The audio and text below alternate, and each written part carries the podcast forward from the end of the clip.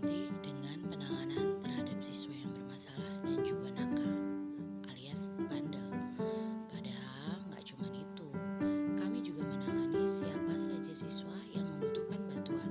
Eh, kadang nggak cuma siswanya sih, gurunya juga.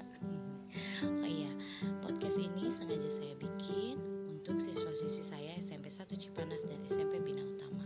Mudah-mudahan berguna ya untuk kalian. Di podcast ini kita akan yaitu tentang dunia remaja, sekolah lanjutan, karir, juga masa depan kalian. Tapi di podcast ini bukan hanya